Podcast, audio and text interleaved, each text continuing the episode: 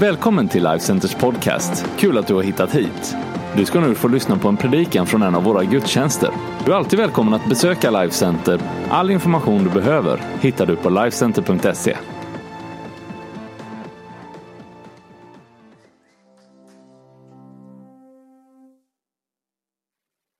Tack så jättemycket. Det är så fantastiskt roligt att vara tillbaka här i Life Center i Västerås. Ni har helt enorma pastorer. Och eh, vi älskar Per-Johan och Ulrika. Tycker så mycket om er, vi respekterar er, vi uppskattar er. Och eh, hela er församling, ert team, eh, er vision, era byggnader och eh, allting bara utstrålar en sån excellens. Vi känner oss så hemma. Tack för allt ni har gjort för vår dotter Emily. Det betyder jättemycket för oss också. När människor älskar det som man själv värdesätter väldigt högt och älskar så går det rätt in i hjärtat. Och ni har tagit hand om vår dotter på ett fantastiskt sätt, så tack för det. Vi älskar Ryssland. Eh, när hela världen liksom har olika åsikter om Ryssland så har Gud gett oss en sån enorm kärlek till detta fantastiska land. Tack för att ni sände er pastor Per-Johan till Ryssland. Det var sån enorm uppmuntran i maj när vi fick besök av Per-Johan till Sankt Petersburg, där vi bor i Ryssland. Och eh, där vi fick visa denna enormt vackra stad där fotbolls-VM nu pågår och, och liksom denna atmosfär som finns. Men det bara höjdes så många grader när Per-Johan kom till staden. Och så fick vi möta vårt ledarteam och så det, det, finns ett före och efter i vårt ledarteam efter att Per-Johan fick komma och tala till. Så tack för att ni skickade honom. Men sen hade jag förmånen att resa med honom i Ryssland också och ni har säkert hört honom berätta en del men för över 25 år sedan, kanske 30 år sedan så var Per-Johan i Ryssland tillsammans med sin far och fick vara med i ett väldigt viktigt skede när Ryssland öppnade sig och vara med och föra in miljoner av biblar in i detta land. Och nu så många år senare fick Per-Johan komma tillbaka och se frukten av det som man då var med och gjorde. Det var nästan omöjligt det de gjorde då, men nu, nu har man fått se vad miljontals biblar har fått betyda. Och en av de som fick en bibel från Sverige är den som är samfundsledare för, för ryska pingströrelsen med över 3000 församlingar som berättade om att det var en gång när, när, när han var ung och fick en bibel ifrån Sverige. Vet, du, Gud är trofast igenom alla generationer. Och eh, Per-Johan fick predika på, var kallad att tala på den nationella pastorskonferensen där. Och eh, mottogs med sån kärlek och respekt. Och så var vi uppe i Komi-republiken och både predikade och bastade och jagade björn och allt tillsammans. Det var helt fantastiskt. Och, och sen så var Per-Johan i Moskva och fick gå på Röda torget och liksom vara med när Ja, det var mycket. Och Var han än kommer så blir han så älskad och så uppskattad och så mottagen. Och jag är så glad över det. När vi var, hade predikat en helg och eh, varit uppe i Komi-republiken, långt uppe i någonstans i Ryssland, så skulle vi jaga björn tillsammans. Och eh, det som samfundsledaren i Ryssland delar med Per-Johan är detta stora passion och stora intresse för, för att jaga. Så han, den här samfundsledaren han var ju bjuden på eh, inauguration of the president of Russia liksom, och, och kom. Men så fort han var färdig med det, liksom plikten, så var, flög han upp för att få vara med Per-Johan och jaga tillsammans med honom. Det är fantastiskt. Det var viktigare för honom att vara med Per-Johan och jaga än att få vara med presidenten i Ryssland när han skulle installeras för en ny period. Sen hade det varit så att jag, jag har också ett intresse för jakt, men jag har aldrig hållit ett vapen. Och eh, min svärfar, han är ju både jägare och fiskare och äger skog och mark. Och det var kanske, han älskar mig och jag älskar honom, men han var kanske hade hoppats att det skulle komma någon som var lite mera, mindre stadsmänniska och lite mindre missionär. Sådär. Eh, men nu, nu är det revansch, för nu har jag fått lära mig av Per-Johan att jaga. Eh, vi var ute i skogen och åkte flera timmar i bilen liksom så här, och alla skulle provskjuta sina såna här eh, björn älgstudsare liksom så här. och jag stod där med min, jag, på, på, på, hade fått den på, stod där och försökte vara så tyst och smälta in så mycket till dem sa liksom, ska inte du också provskjuta? Nej, det behövs inte, sa jag så här. För jag hade ju aldrig hållit ett gevär liksom. Och sen så har jag ett problem så här, vet du, när man, när man blundar så här, då, då går det bra. Men när jag ska blunda med det ögat och titta, det går båda ögonen ihop, så det, jag kan inte. Men jag är högerskytt så här, men det gick inte. Så jag fick kolla båda ögonen öppna när jag skulle skjuta och de skulle ha den här plastdunken eh, 100 meter bort där. Så fick alla provskjuta och de träffade och alla bara yeah! Och sen skulle jag skjuta till slut och alla bara kom igen nu, skjut du. Så alla applåderade bara så yeah, bra! Så kände jag, nej men det kan ju inte stämma att jag träffade den. Så jag vände mig till Per-Johan och sa, du, eh, det kan inte stämma. Nej, de ljuger så enormt bra bara för att... Så det var ju livsfarligt. Och sen åker vi då med bilen ut liksom och kommer till första, han ska ställas av där. Och det var tydliga regler om att om någon skjuter så sitt kvar i bilen 20 minuter liksom och vänta, man vet aldrig vad det är. Men när han kommer ut på fältet, då bara dröjer det några sekunder så hör man bara poff, poff, poff. Så de träffar ju en älg där nej förlåt, en björn. Och jag blev alldeles för nyfiken, så den här ryska brodern med mig, vi liksom går ju ut ifrån bilen, vi skulle egentligen vänta, men vi springer ut där på det här öppna kalhygget och där står de med adrenalinet som pumpar liksom, för de har sett en jättebjörn och träffat och skjutit. Så någonstans så tappar vi ju det som är här uppe och börjar springa fyra stycken, Per-Johan och jag och två ryssar. In i skogen med snö upp till knäna, med liksom färska, färska björnspår med blodet som liksom där man får följa och adrenalinet. Och där står jag och bara fattar, det här är ju värsta trillen. Jag, jag är med på min första jakt, första gången jag hållit laddarbussar. Och vi är inne, jag vet inte om det var vi som jagade björnen eller var jag, han som jagade oss. Det är äventyr. Det är äventyr. Tack för att ni skickar Per-Johan till mig. Jag har aldrig haft så mycket äventyr. Det finns sådana öppna dörrar i Ryssland. Det finns sådana öppna behov i Ryssland. Vi ska få tillsammans vara med och göra skillnad i Ryssland en gång till. Om Per-Johan med sin pappa 30 år sedan fick vara med och föra miljoner av Bibeln in i Ryssland så ska Per-Johan med sin son vara med i en ny generation och föra in någonting som bara kommer påverka miljoner in. Det är vidöppet på högsta nationell nivå för Per-Johan att kliva in i Ryssland. Tack för att du kom. Det finns mer. Det finns mer för ditt liv. Det finns mer för er församling. Det finns mer att uträtta i Västerås och i den stad där du bor. Det finns mer att utgöra och göra i den här världen för Jesus. Vi tronar inte på minnen från fornstora dagar. Vi ser framåt, för det finns mer. Det finns mer. Under några minuter så ska jag läsa Bibeln med er och så ska jag dela någonting om tro. Det här är huvudbibelordet ifrån Lukas evangeliet 1 och 37. När ängeln kommer till Maria och hon blir havande med Jesus, världens frälsare, på ett övernaturligt sätt och hon säger, hur i hela världen ska detta gå till? Då säger ängeln till honom i den 37 versen, ty för Gud är ingenting omöjligt. Detta är mitt budskap idag. Ty för Gud är ingenting omöjligt. I första Korinthierbrevet 2 och 9 så säger Bibeln, vad ögat inte har sett och örat inte hört och människans hjärta inte anat. Det har Gud berett åt dem som älskar honom. Vi tar det en gång till. Vad ögat ännu inte sett, vad örat ännu inte hört och vad människans hjärtan inte ens kunnat ana, det har Gud berett åt dem som älskar honom. I Romarbrevet 4, vers 17 i den andra delen så kan vi läsa om Gud, hur han är. Gud som ger liv åt de döda och kallar på det som inte är till som om det var till.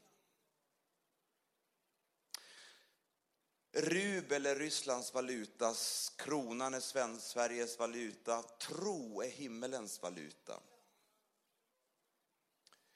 Hebreerbrevet 11 och 1 säger tron är en övertygelse om det man hoppas. En visshet om ting som man inte ser.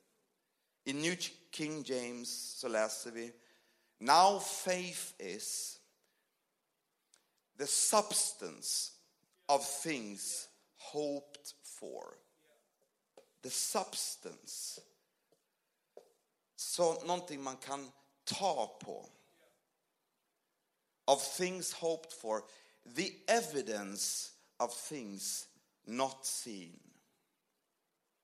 I andra Korinthierbrevet 5 och vers 7 så läser vi Vi lever här i tro utan att se.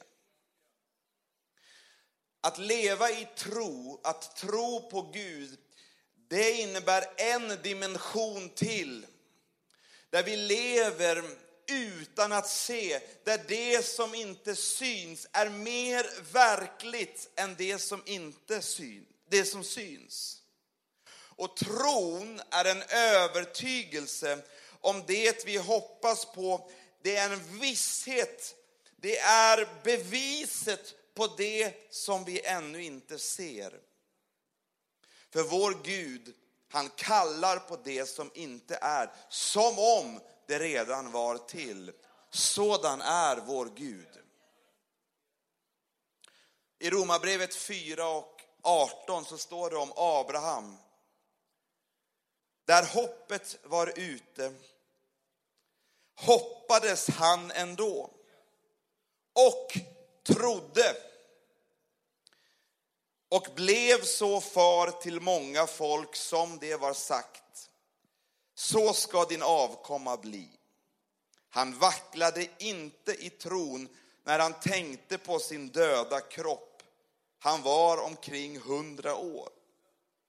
Och att Saras moderliv var dött han tvivlade inte i otro på Guds löften utan blev istället starkare i tron och gav Gud äran.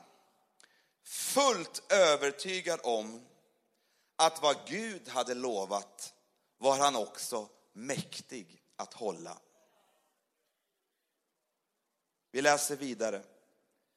Hebreerbrevet 11 som kallas för trons kapitel beskriver mera om detta med Sara och Abraham. Vers 11 och 12. Genom tron fick även Sara, som var ofruktsam, kraft att bli mor till en ett fast hon var överårig. Hon tänkte att den som hade gett löftet var trofast. Därför fick också en enda man så gott som död. Barn så talrika som himlens stjärnor och oräkneliga som sandkornen på havets strand. Jag ska läsa några bibelord till, sen så ska vi börja prata om det här, tala om det här. Om Josef kan vi läsa i Hebreerbrevet 11 och 22. I tron påminde Josef på sin dödsbädd om Israels barns uttåg och gav befallning om vad som skulle ske med hans ben. Människor som lever i tro med denna övertygelse, övertygelse, för dem är det inte så här, det spelar ingen roll. Det spelar visst roll. Det är viktigt hur det blir med det som Gud har sagt. Jag har inte full koll på åren och alltihopa, men om jag förstår det rätt så när Josef hade tagit sitt, sitt, sin familj och sin släkt till Egypten så dröjde det några hundra år innan de sen gjorde uttåget med Mose ur Egypten, kanske 400 år. Men när Josef skulle dö, då var det viktigt för honom att ge instruktioner om hur det skulle gå till med hans ben. Och påminna om att det har kommit ett löfte om att vi ska ut ur det här landet. Om det så dröjer 400 år, så glöm inte mina benen igår. Han hade en tro som påverkade framtiden 400 år. Han visste att det kommer. Om det så väntar så kommer det. Och när det kommer, glöm inte mina ben.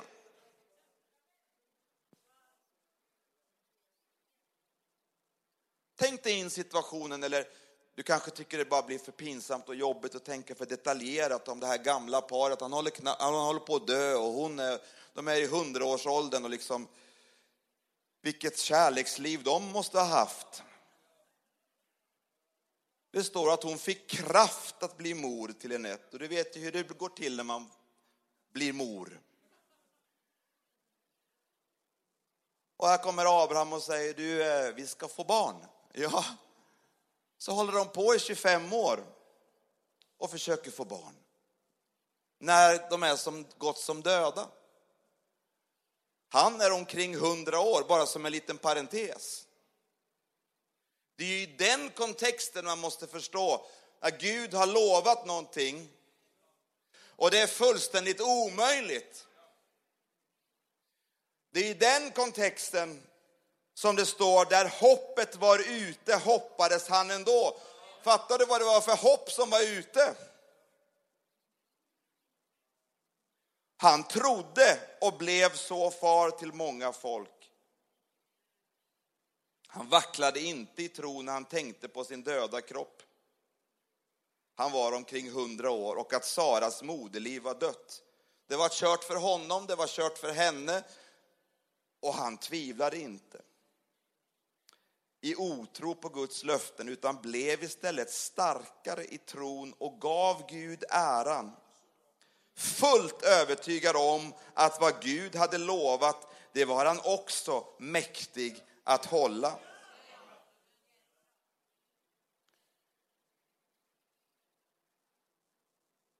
Det finns mer. Det finns mer för ditt liv. Det finns mer för Life Center. Det finns mer att uträtta i den här staden, i det här landet och ut över världen. Gud har tänkt och Gud har sagt och Gud har lovat dig, era pastorer, den här församlingen saker som han har tänkt att hålla. Men du behöver hålla fast vid det som han har sagt. Jag var med om en sak den här veckan för 18 år sedan så satt jag i Riga i Lettland i ett möte och fick en profetia. Du ska få vara med om att sitta med sådana här personer i sådana samtal. 18 år senare såg jag den profetian bli fullbordad.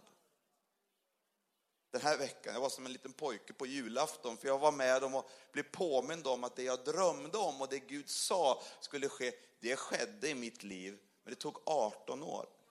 Håll ut. Ge inte upp. Uthållighet är vad vi behöver för att göra Guds vilja och få vad han har lovat. Tron funkar och verkar som Guds valuta i det som inte syns. Du måste kliva ut ur det som är synligt och inte leva bara begränsat i det från man kan se utan förstå att Gud vill föra dig ut i någonting som ännu inte finns och ännu inte syns. Men för Gud är det lika verkligt och mer verkligt.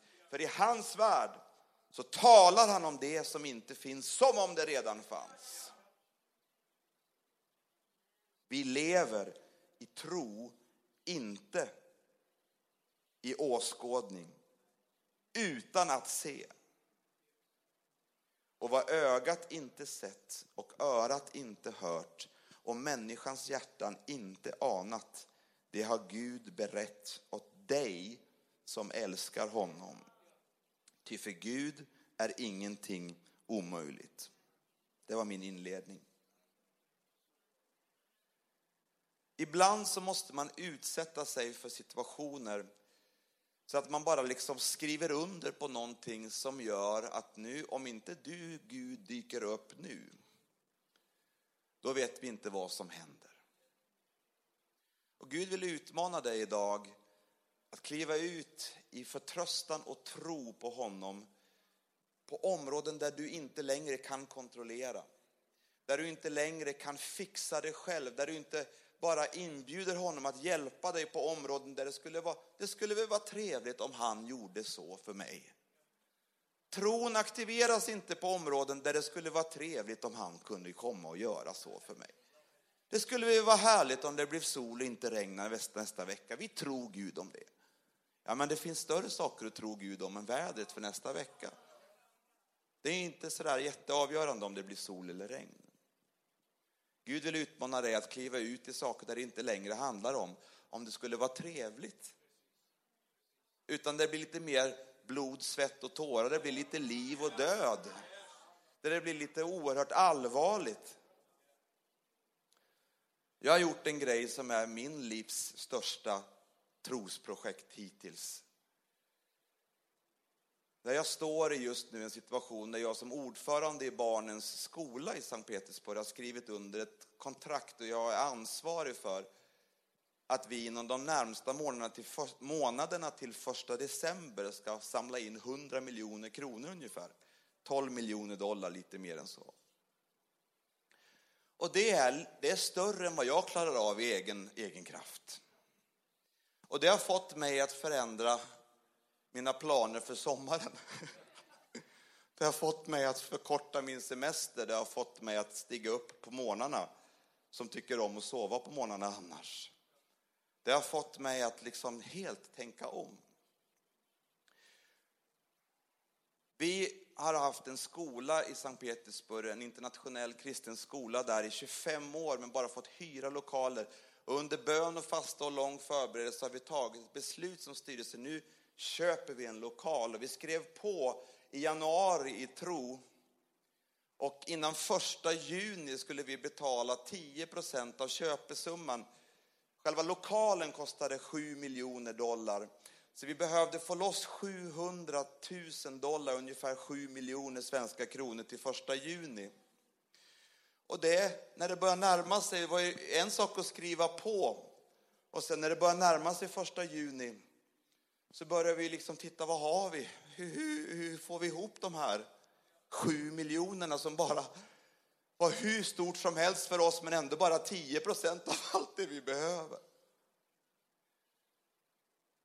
Så satt vi där på styrelsemötet i slutet av maj och insåg att det här kommer inte funka. Vi hade hoppats på att Gud skulle sända någon gåvogivare, det skulle komma något mirakel, men när det började närma sig så hade ingenting hänt. Så då samlades vi, det var bara några dagar kvar och så, så fick vi liksom eh, bestämma oss för att vi tömmer våra konton. Skolans konto, organisationens konto i USA som stöttar oss. Och när vi tömde allt vad vi hade så var det bara hälften av det vi behövde för att få in de här sju miljonerna kronorna. Och så var det en av våra styrelsemedlemmar, företagsledare, som under flera månader, nästan ett år, inte hade fått in hyra från en hyresgäst som han hade i sin, sitt fastighetsbolag. Men plötsligt så, så bara löser sig konflikten och de betalar in nästan ett års hyra på en gång. Så på hans företagskonto så kommer det in den summan som behövdes. Som inte, liksom, vi hade gjort allt vad vi kunde och så var det hälften kvar och så går han hem till sin fru och så säger han liksom, jag vet att vi inte ska blanda ihop korten här men jag kan inte få frid med annat än att vi tar det vi har också och bara ger in i det här så att vi kan betala den här down payment i tid. Och vi hade först kommit till ägaren, en oligark i Ryssland, och bara sagt vi kommer nog inte funka för oss att i tid, skulle vi kunna få lite mer tid på oss? Han säger nej, mer tid kan ni inte få, då ger vi det till någon annan. Så kommer vi tillbaka några senare, dagar senare och säger nej, nu har det löst sig. Och vi betalade första down payment.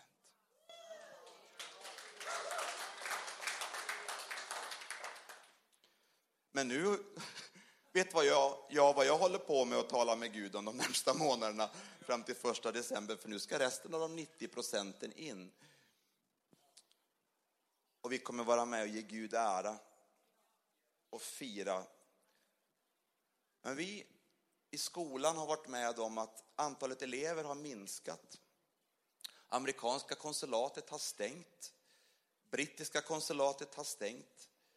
27 europeiska diplomater från 27 olika länder fick åka, lämna Ryssland för att EU gjorde likadant mot Ryssland för det geopolitiska läget. Missionärer har blivit deporterade ut och det har blivit liksom ett läge där det inte ser ut att det ska bli fler. Och i det läget bestämde vi oss för att köpa en lokal som tar mer än dubbelt så många elever som vi redan hade. Jag var i USA förra veckan för att möta olika folk och medan vi är där och har ett styrelsemöte så får vi meddelande om att den andra internationella skolan, vi är en internationell kristen skola, den andra internationella skolan som är större än våran skola, som är under amerikanska konsulatet och det brittiska konsulatet, har man beslutat om att stänga. Så helt plötsligt så står det flera hundra elever utan skola om ett år när vi ska flytta in i den här nya lokalen. Det kunde vi aldrig räknat ut. Men vi tog ett steg i tro utan att veta, utan att veta hur det skulle lösa sig. Och nu har vi redan folk i kö för att få plats på de nya lokalerna som inte rymmer alla elever som söker en plats. Det är inte för att vi är några kaxiga människor som är så, vi är inte alltifrån kaxiga, jag är nervös, jag skakar, jag pratar om det här bara just nu. Men jag har fått lära mig en sak just att när man kastar sig ut i någonting som är så mycket större än vad man själv kan fixa eller klara av, då börjar ett äventyr där Gud blir större och vi blir mindre. För det handlar inte hur stor tro du har, hur mycket du vågar eller kan, utan det handlar om att bara kliva bort från sig själv och börja se hur stor Gud är. För han blir inte nervös av tro. Han längtar efter att få visa hur stor han är och vad han kan göra. Därför att för Gud är ingenting omöjligt. Men sen finns det en resa från det att man signar under och kliver ut tills det att det blir verklighet och så kan vi tänka ut hur det ska gå till och vi försöker att be till Gud och så tänker det vore inte dumt om det bara ramlade ner från himlen eller att någon ringer eller någon säger någonting. Men det funkar ofta inte så. Utan det som Gud gör genom de här utmanande stegen som vi tar är att han lär oss att lita på honom.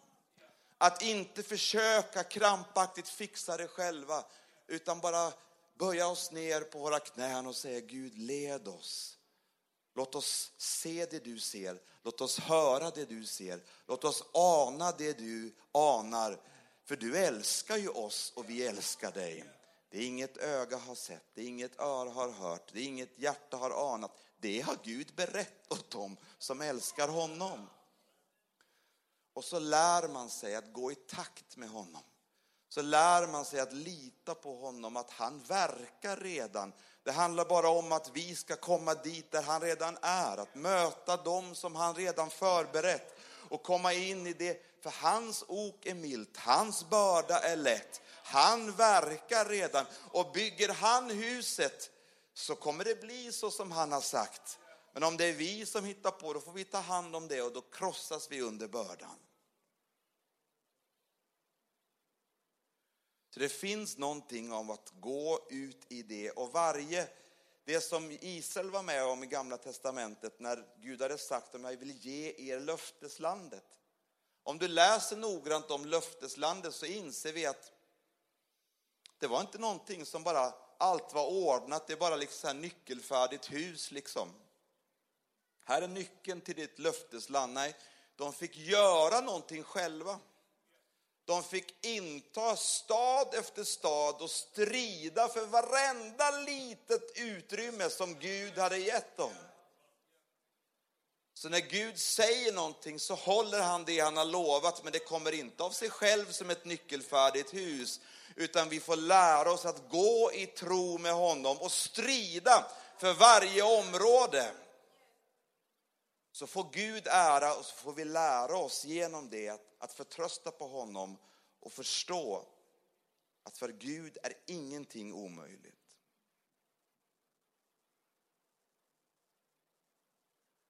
Sen vill vi ju gärna bli omtyckta och vi vill gärna inte stöta oss med någon. Men Gud har ett sätt att se till att vi dör bort ifrån oss själva. Jag var i USA förra veckan och skulle möta några sådana här potential donors. Fina människor som är professionella och erfarna och jag mötte en som arbetar, han är fundraiser för Billy Graham Association och Regent University och andra stora såna här ministries i USA och man känner nu ska jag skärpa mig och vara ordentlig så här. Och så var vi på ett möte tillsammans i en liten kyrka i Dallas. Och pastorn plockade fram mig och Mr. Wee Tiong Hao från Singapore som ni kommer ihåg var här och hälsade på. Och så bara la han händerna, puff, så låg jag utslagen under Guds kraft där och, låg och, och fick möta Gud som jag inte kan minnas jag gjort på kanske 20 år. Men då fick man ju dö bort från all prestige. Jag som hade tänkt att sköta mig och hålla mig, inte ligga och sprattla under Guds kraft liksom inför alla. Sen skulle jag gå och prata med honom efteråt. Så, så hans kommentar var, det här var ju ett intressant möte. Så, så får man bara dö bort ifrån det där. Jag vet inte vad han tyckte om det. Men det är inte så viktigt.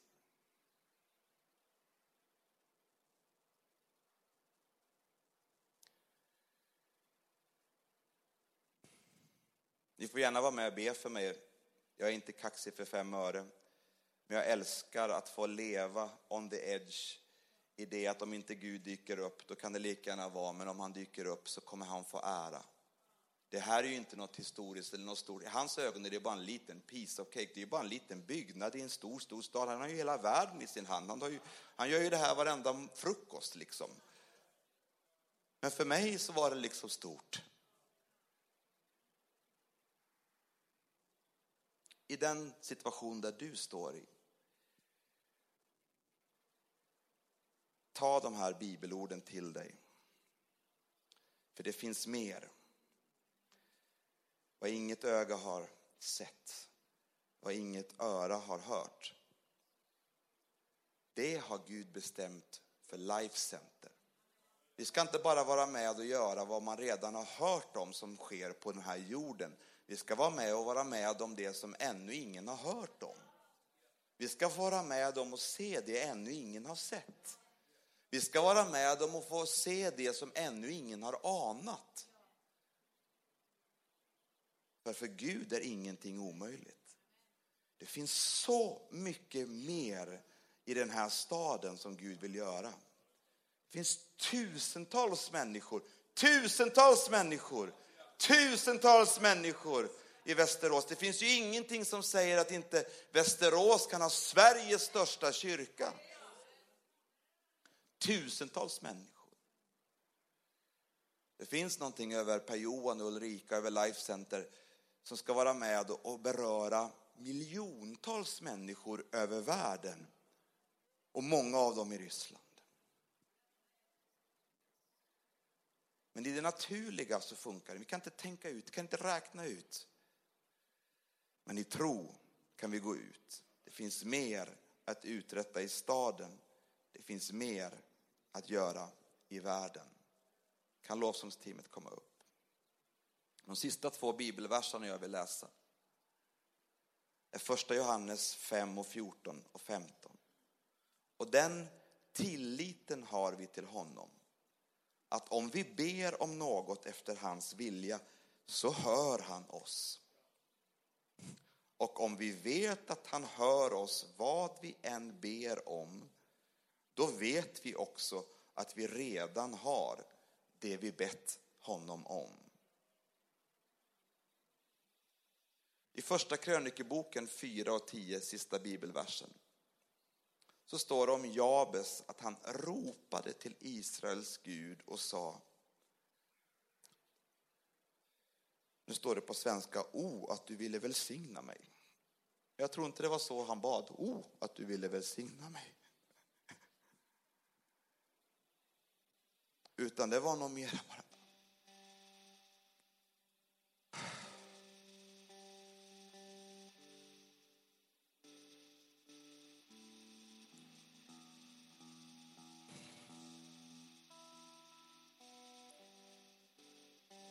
finns böner där det inte bara så, det skulle väl vara fint om du ville välsigna mig, Gud.